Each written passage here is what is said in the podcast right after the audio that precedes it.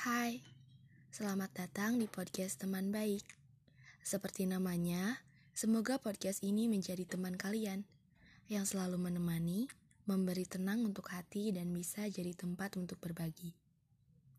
Karena masih banyak orang yang punya teman, tapi hanya sekedar teman. Mereka bahkan tidak pernah berbagi, atau bahkan banyak sekali orang yang sering merasa sendiri. Tapi, Aku di sini untuk menjadi teman baik.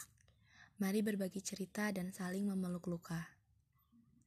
Semoga tidak bosan mendengar suaraku, mendengar isi pikiranku, dan mendengar kisahku. Nanti akan ku minta kalian untuk berbagi cerita juga. Salam kenal ya.